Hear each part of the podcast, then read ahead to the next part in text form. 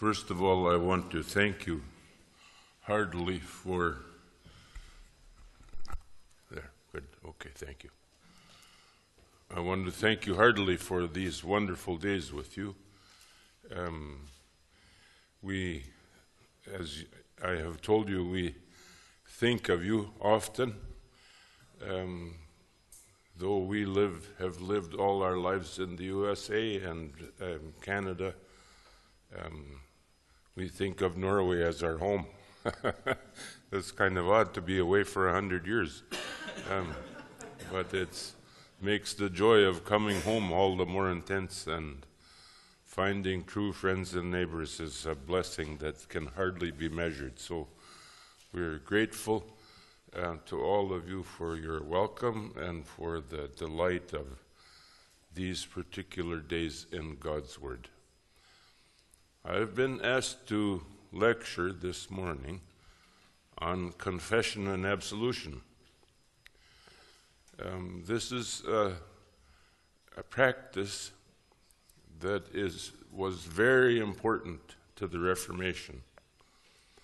So, um, at the time of the Reformation, uh, confession was an annual requirement. Every Christian was to confess all of his or her sins at least once a year. So you can imagine what torture that became and what a problem it was. Um, Luther had spent much time sitting in the confessional listening to people, and he knew firsthand how difficult confession had become. And so instead of throwing it away, um, Luther and Melanchthon cleaned it up. So we have continued as Lutherans to retain confession and absolution the most common way, though this is not true in Norway, is in the divine service on Sundays. Um, so, for instance, in the USA, we begin, Lutherans, we begin our services with confession and absolution. Our pastor, Carolyn, and my pastor is very strong on this. He said, We begin by being honest with God and telling the truth about ourselves. And we confess and hear the holy absolution. Um, lots of churches in the U.S. have quit using confession and absolution, but us old ones, um, the conservative ones, we, we will not let this go. The Augsburg Confession devotes two articles um, to confession and absolution. And uh, so the practice um, continues. Um, one of the most important things you can say about Jesus is this He loves sinners. The scripture makes an intense point of this. Um, he was known as a friend of sinners. And because he was a friend of sinners, he was often accused of their sins. If you hang around with the wrong, wrong crowd, pretty soon your reputation suffers. And so Jesus was accused by the devout, the pious, of being a drunkard and, um, and a, a wine bibber, as they called him. Um, um, he was associated with tax collectors. Um, I woke up thinking about Zacchaeus up the tree. Huh? He was a friend of sinners and tax collectors and a friend of, of women uh, who had open house at their homes on Friday night for the men in the community. Huh? So they, um, he, he knew well the sinners in the community and was criticized for it almost constantly. In fact, this is one of the reasons he was crucified. Um, the righteous, in their own minds, regarded him as a danger and put him to death, among other things, because he was an associate of sinners. And so you can imagine how important confession and absolution became to him. We have two passages in Scripture devoted to this. One is in Matthew, following Peter's confession. Jesus was at Caesarea Philippi, which is one of the lowest places on earth. There's a huge cave there that is so deep that the people of the New Testament times were never able to find the bottom of it. They would throw a stone in there and it would just keep dropping and dropping and dropping um, into the nothingness. This cave was known as the gates of hell. It was traditionally understood to be the entrance to hell. It's standing right there that Jesus asked his disciples, Who do men say that I am? oh, some say John the Baptist, some say Elijah. The disciples aren't sure. But Peter is sure. You are the Christ, the Son of the living God. And then, in light of Peter's confession, Peter, Jesus says, On this rock I will build my church and the gates of hell will not prevail against it. And he commits the office of the keys to Peter and to the disciples. If you, if, if you forgive the sins of any, they are forgiven. If you retain the sins of any, they are retained. But the passage that I have been most interested in is in the Gospel of John. According to Mark, the disciples did not do very well in the Passion Week. John 13, or John, is it 14? They all forsook him and fled. Every last one of them ran away. One of them slipping out of his clothes and running away naked, rather than face the kind of fate that beset Jesus.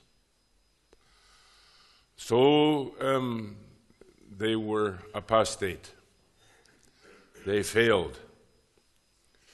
They were not faithful. In John's gospel, the disciples do better. Jesus is in complete command on the cross. And the disciples, looking to him, are finding strength and they're able to stand. But even with that said, you know how it works. When you get the leader, you start cleaning up the people that have followed him. And so, when Jesus was arrested and put to trial and condemned to death, the disciples knew their own fate. And so, as the story begins in the Gospel of John, the disciples are hiding in the upper room for fear of the Jews. Hmm? This makes very good sense. Huh? You, you remember stories, I'm sure my family passes down stories of the resistance during the Second World War. If they found one, that one was subjected to torture until he gave the names of the others.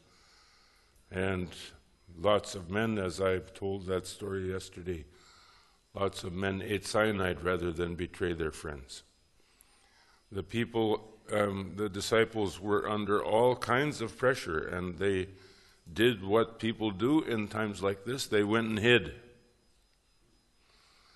No one was waiting at the grave to see if Jesus would be raised from the dead.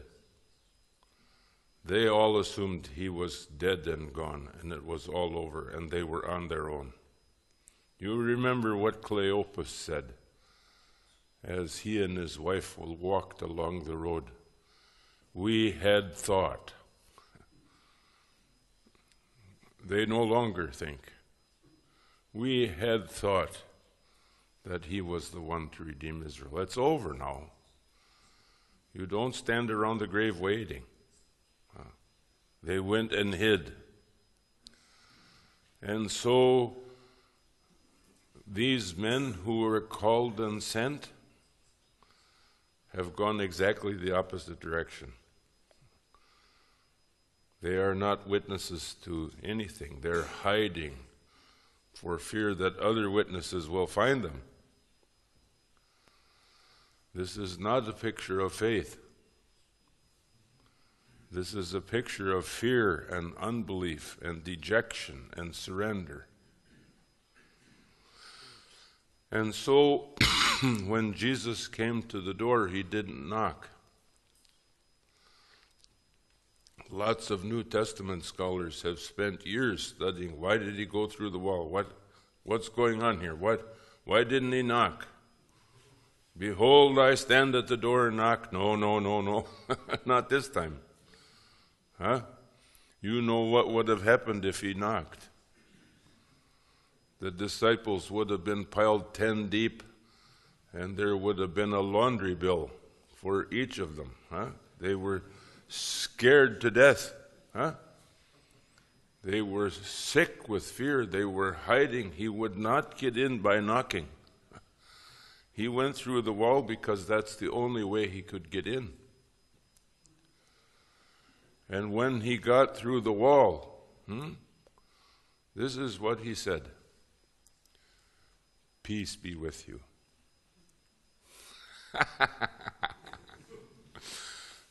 Isn't it great? Here is the victory of the risen Christ. The first words out of his mouth hmm, to his disciples are words of forgiveness. If it had been me, this is what I would have said. A fine lot of friends you turned out to be. Where were you? I was up there suffering and dying, and you guys were running. Huh? I mean, and of course they had that coming and they knew it. Peace be with you.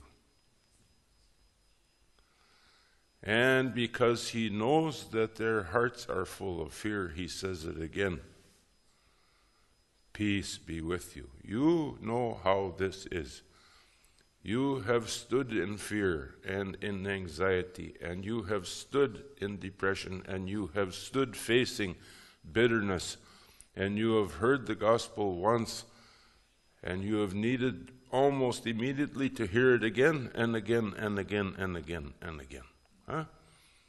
And so Jesus is a true pastor to his disciples. Huh? He says, Peace be with you. And because he knows their fear and because he knows their de- depression, he says it a second time Peace be with you. And then, in the most amazing scene, he goes to each of them and he tips back their heads and he breathes on them.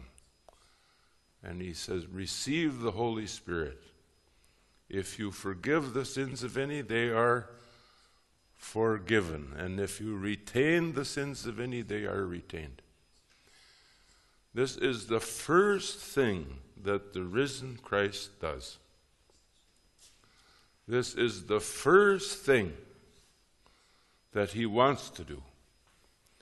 And this tells us how desperately important this is to him and to us, as well as to the disciples themselves. He commits the authority of confession and absolution to his disciples and therefore his church, because now he is distributing the benefits of his death and of his resurrection. He is bestowing the fruit of his victory. He is handing over the goods. He is handing out the spoils. He is giving over, hmm? handing over what he has won by his death and resurrection. And what has he won? He has won the authority in God's name to speak the word of forgiveness in his name. this is victory to the bottom of it. And so the church established this practice. It took a while, of course. The early church was very legalistic and liked to make sinners sweat. Um, disciples are not as trustworthy as their Lord. Hmm. And so we know that from the story of the crucifixion, and we know that also from the story of the early church. But sinners are sinners. And when sinners know that forgiveness is available, you can't keep them away. Hmm?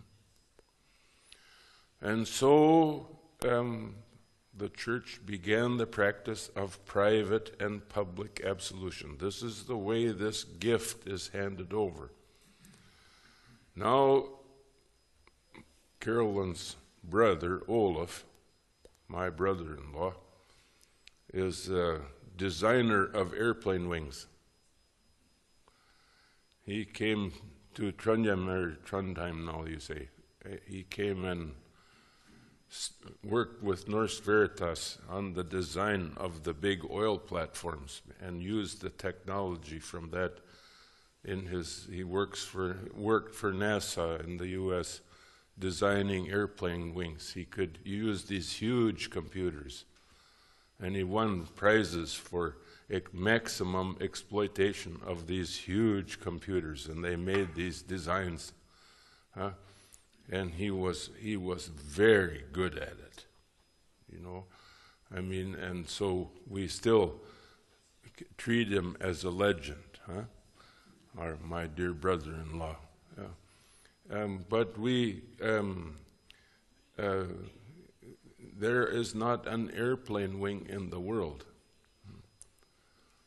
that can pick up and carry a sinner only Christ Jesus can do that. And so, confession and absolution is an opportunity given to believers to literally cast their sins upon Jesus. That's what confession is about.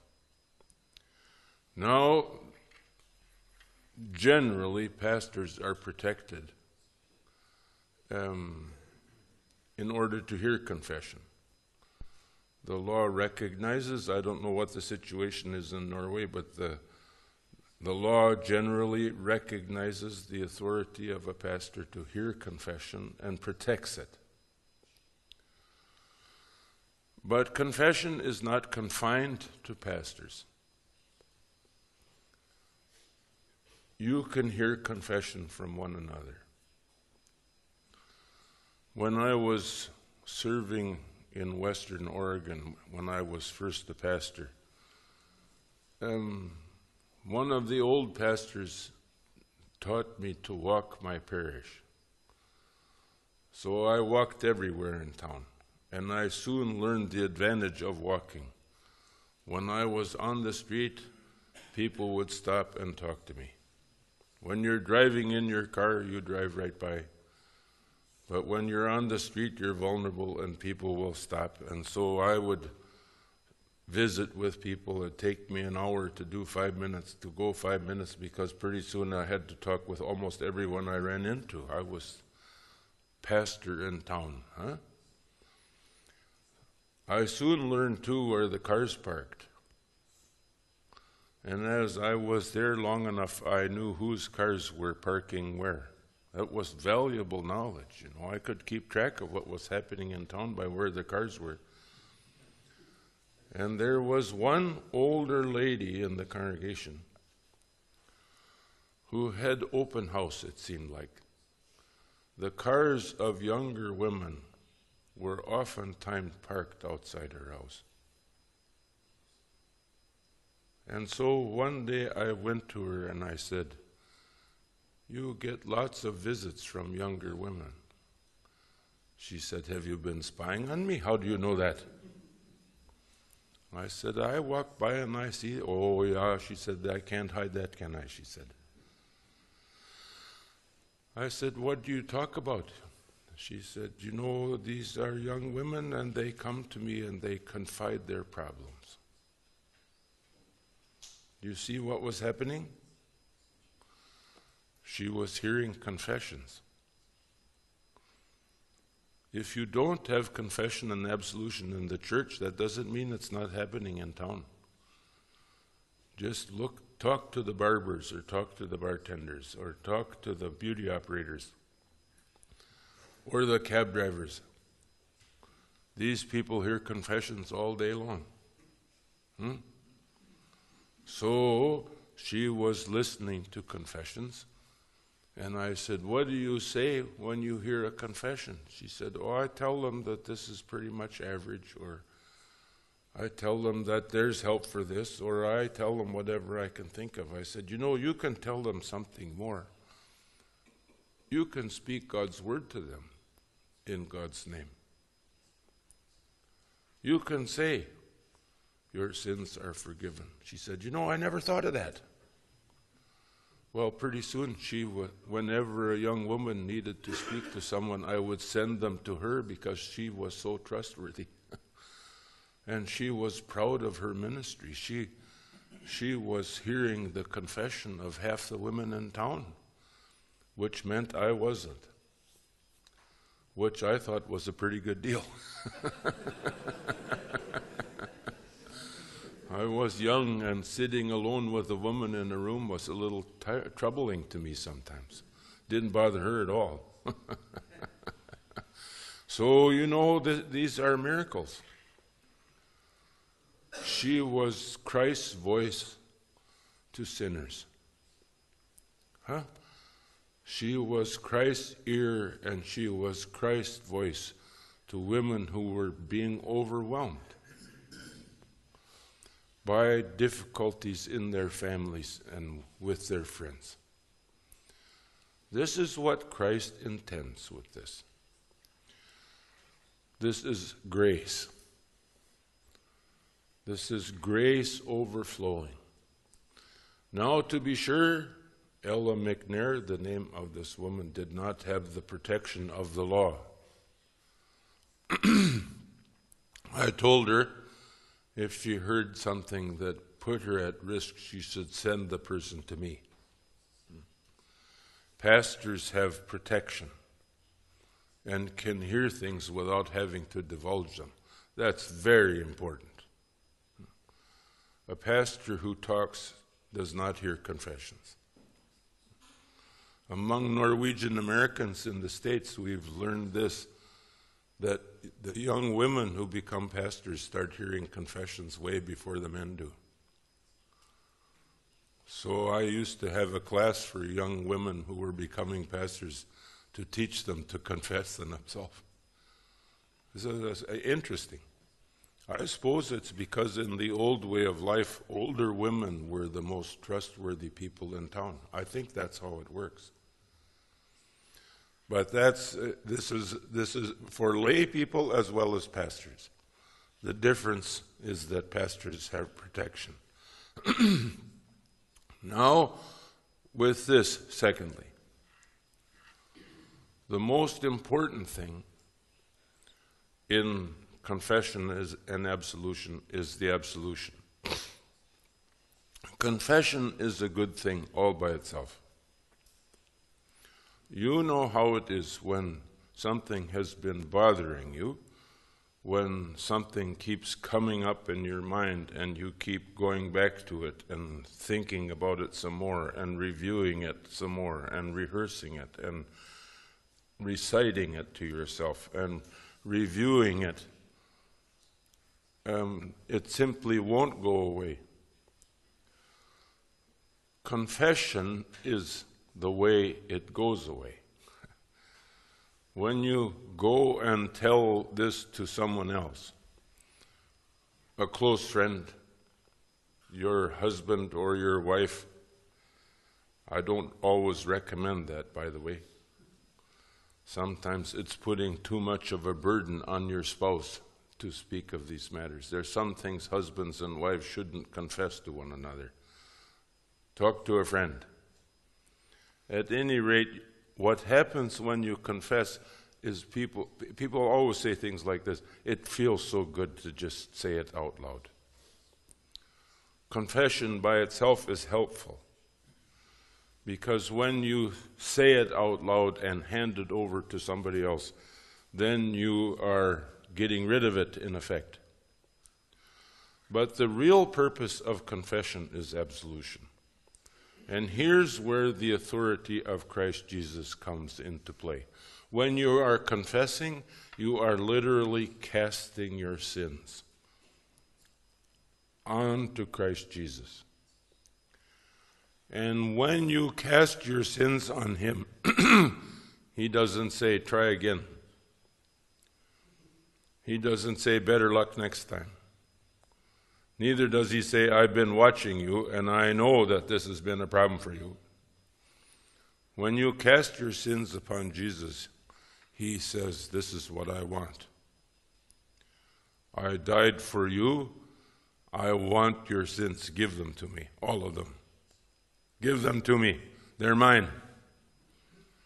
He takes them from you. He literally takes your sins upon himself. St. Paul, especially, uses very graphic language to describe this. Jesus, he says in Galatians, becomes your sin. He becomes your sin. He not only carries your sins, but he becomes your sins so that your sins are carried away from you. So that when you confess, the next step is this the pastor puts his hand or her hand on your head and says, in, the in the name of Jesus Christ, I declare unto you the entire forgiveness of all your sin. This is the absolution. It is a pastor's responsibility to say this. Now, if you're familiar with the statement in the large, small catechism concerning confession, Luther instructs the pastor to ask the person confessing, Do you believe that the word that I am going to speak is Christ's own word? That's a wonderful question. Because this is not simply the pastor, um, thank you very much. This is not simply the pastor being a good person or a friendly person or a helpful person. This is Christ's own word. And so the pastor asked, Do you believe that the word I am about to speak is Christ's word from Christ Himself? If you say yes, then the pastor goes ahead and puts his hand on your head. That's very important. This is touch. This is Christ's own touch. And when you put your hands on that person's head, when you, the pastor puts his hands on your head, it is indicating that you are all aligned. You, everything is lined up. And Christ Jesus is pouring into you and over you to help you to deal with this. And so the pastor says, in the name of Jesus Christ. It's not the pastor that's doing this work. Perish the thought. It's not the pastor who is such a good man or such a pious and devout man or such a wonderful, friendly man or such a great woman. It's not that at all. It's Christ Jesus. And His word is the definitive one. And so when the pastor puts hands on your head and says, In the name of Jesus Christ, he is following Christ's command. And Christ himself is entering this very word. I declare unto you, I say to you, I tell you, this is the, the now it's coming. Now it's coming. Your sins are forgiven for Jesus' sake. I had a nice visit yesterday um, about the Greek word epheme for forgiveness. Uh, there's a nice connection in English. Um, epheme is the root of the English verb to efface. When you efface something, you take the face off it. You pull the face of it. Now, this is what happens when our sins are unresolved. They face us accusingly. You can see them. They look at you. and when they look at you, they stare at you and they say, You. You. You, you remember Psalm 51. My sins are ever before me. I love that psalm, but that phrase gives me the shivers. Hmm. You, your, my sins are ever before me. You've been there, you know how this happens. When you have been disappointed in yourself or something has gone wrong in the relationship, it, it stares at you, it's before you, it faces you. You just can't, I mean, you know, you can't raise children without experiencing these deep levels of conflict. And when there's something wrong with one of the kids, when some, when one of the, when there's something at odds, huh, it stares at you, it faces you. You can't. And when Christ Jesus forgives, he effaces. That is, he takes the face off it. He says, Look at me. Look to me. Look to me. And when we look to Him, we can't see our sins anymore. They're in Him, they're in His blood. He soaked them up, He has taken them upon Himself. It's over now. I can turn, huh? and I can face the person. Huh? Carolyn and I have three sons. The oldest is 42, and he's a professor of Finnish. I don't know what happens that you raise a Norwegian boy in America and they wind up speaking Finn. I mean, you know, I mean, that's just kind of, could have been worse, I suppose. but, but of course, Norwegians and Finns hang around together an awful lot in the U.S., and we, so we had good Finnish friends, and he started, he went to Oulu he was he dreamed of being an Olympic skier, and he was a very good cross country skier. But he he hit the hit the pyramid, as we say. He he was as good as he was. He wasn't good enough. But we have friends in Oulu, and he went to Oulu, and he went to high school there, and he came home speaking Finnish. I thought for a while when he got his doctorate in Finnish that I would have the only Finnish speaking cab driver in all of the US.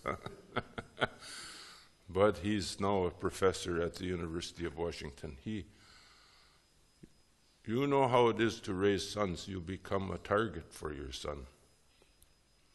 Hmm? Part of being a father is having your son push off against you.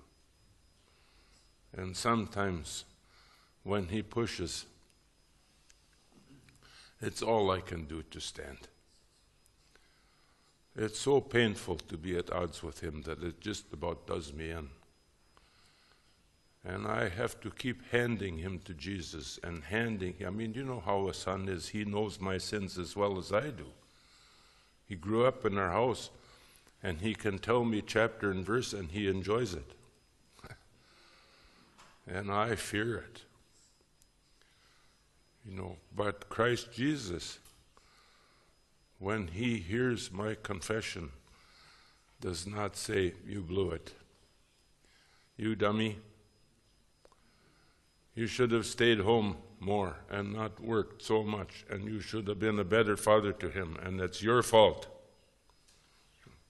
Christ Jesus, hears my confession. And he says, That sin belongs to me now. You can't have it back. You can't have it back. it's mine now. Surrender it. Let it go. Don't keep digging it up. No fishing allowed, huh? Don't go after it again. It belongs to me. This is as precious as it can possibly be because this is freedom. This is freedom. In the light of Christ, I can turn and face my oldest son. In the light of Christ, we can work together so now I don't get those dreadful phone calls anymore. At least not for the last year and a half. I suppose it could happen. but it hasn't. I mean, this is the forgiveness of sins. You live in freedom, huh? in the freedom of the gospel. Christ Jesus has your sins, they belong to Him. And since they belong to Him, they're free. Now I know that there is no service of confession and absolution in the Norwegian uh, service. I don't know why, um, but it's as I've been to services, I always look for it. Of course, I'm a sinner myself, and I need this, but I haven't found it, and I don't know why. But but that doesn't mean you don't have it. Um, you can speak these words to one another in your homes. Carolyn and I, we say God's peace to one another each day. We live together in the forgiveness of sins with my friends and neighbors. I hear the I pass the peace and I have the peace passed to me by them. You know, this is a wonderful thing. I learned this from my Laestadian friends, and I still, um, I have some wonderful evangelical Laestadian friends in the States, and I learned to pass the peace from them, and that's, you're living in the absolution. That's a wonderful thing, especially between husband and wife. You know how that is. If you start saving things against one another in a marriage, pretty soon you've got a big collection. I once refereed a fight between a couple that had been married 25 years and never had one. It was awful. They had been saving up sins against one another for 20 years, and it was like it was raining mud in there. I remember the wife starting out with these words I'll never forget on our honeymoon. I mean, I mean, I mean, you know it's going to be a long night. I mean, she had sins and he had sins that were so old they were green and fungus infested. They were just awful, you know. I mean, and they're throwing these things at one another, sure that it's the atomic bomb that's going to do the other, and you know you know, finally I said, I think we're going to confess our sins. And the other pastor who was with me said, I think we already have. or I'd tell you one another one quickly. Um, it's time to quit, but I just thought of it. Yeah, good. So I had I was invited to preach a year ago. Oh, it's two or three years ago now, and at a big church in the, in the northern part of Minneapolis. And I drove in, and the pastor was weeping. She had come to church and she had found a note from her husband, who was the other pastor at the congregation, saying he was leaving her. Um, to tell you the truth, I didn't think much of him for leaving her. I thought less of him for leaving a note like that when I had three services to preach. it was pretty bad. And so she, I had to keep her together and keep the congregation together in the face of his absence. So uh, we got it done, and I started looking for him, and I finally found him. And he was, um, I had had a lot of respect for him as a pastor, but I learned in the course of this that he was one of the most moralistic pastors I had ever known. He he had committed adultery in every single congregation he had served with a parishioner. But he was convinced that it was his wife's fault that he had done this. So finally, a friend of mine and I brought him to confession and absolution. It was premature, we shouldn't have done it. But we heard the confession together, and in the confession, he confessed all of his wife's sins. Every, every one of them. so I said to him, On the basis of this, your confession, I absolve your wife. but your, your sins will remain bound to you until you can confess your own he got ferociously angry. He stood up and started shaking his fist at me. My friend who was with me in the room, I don't usually have another person, but I needed another person then. He had Parkinson's disease.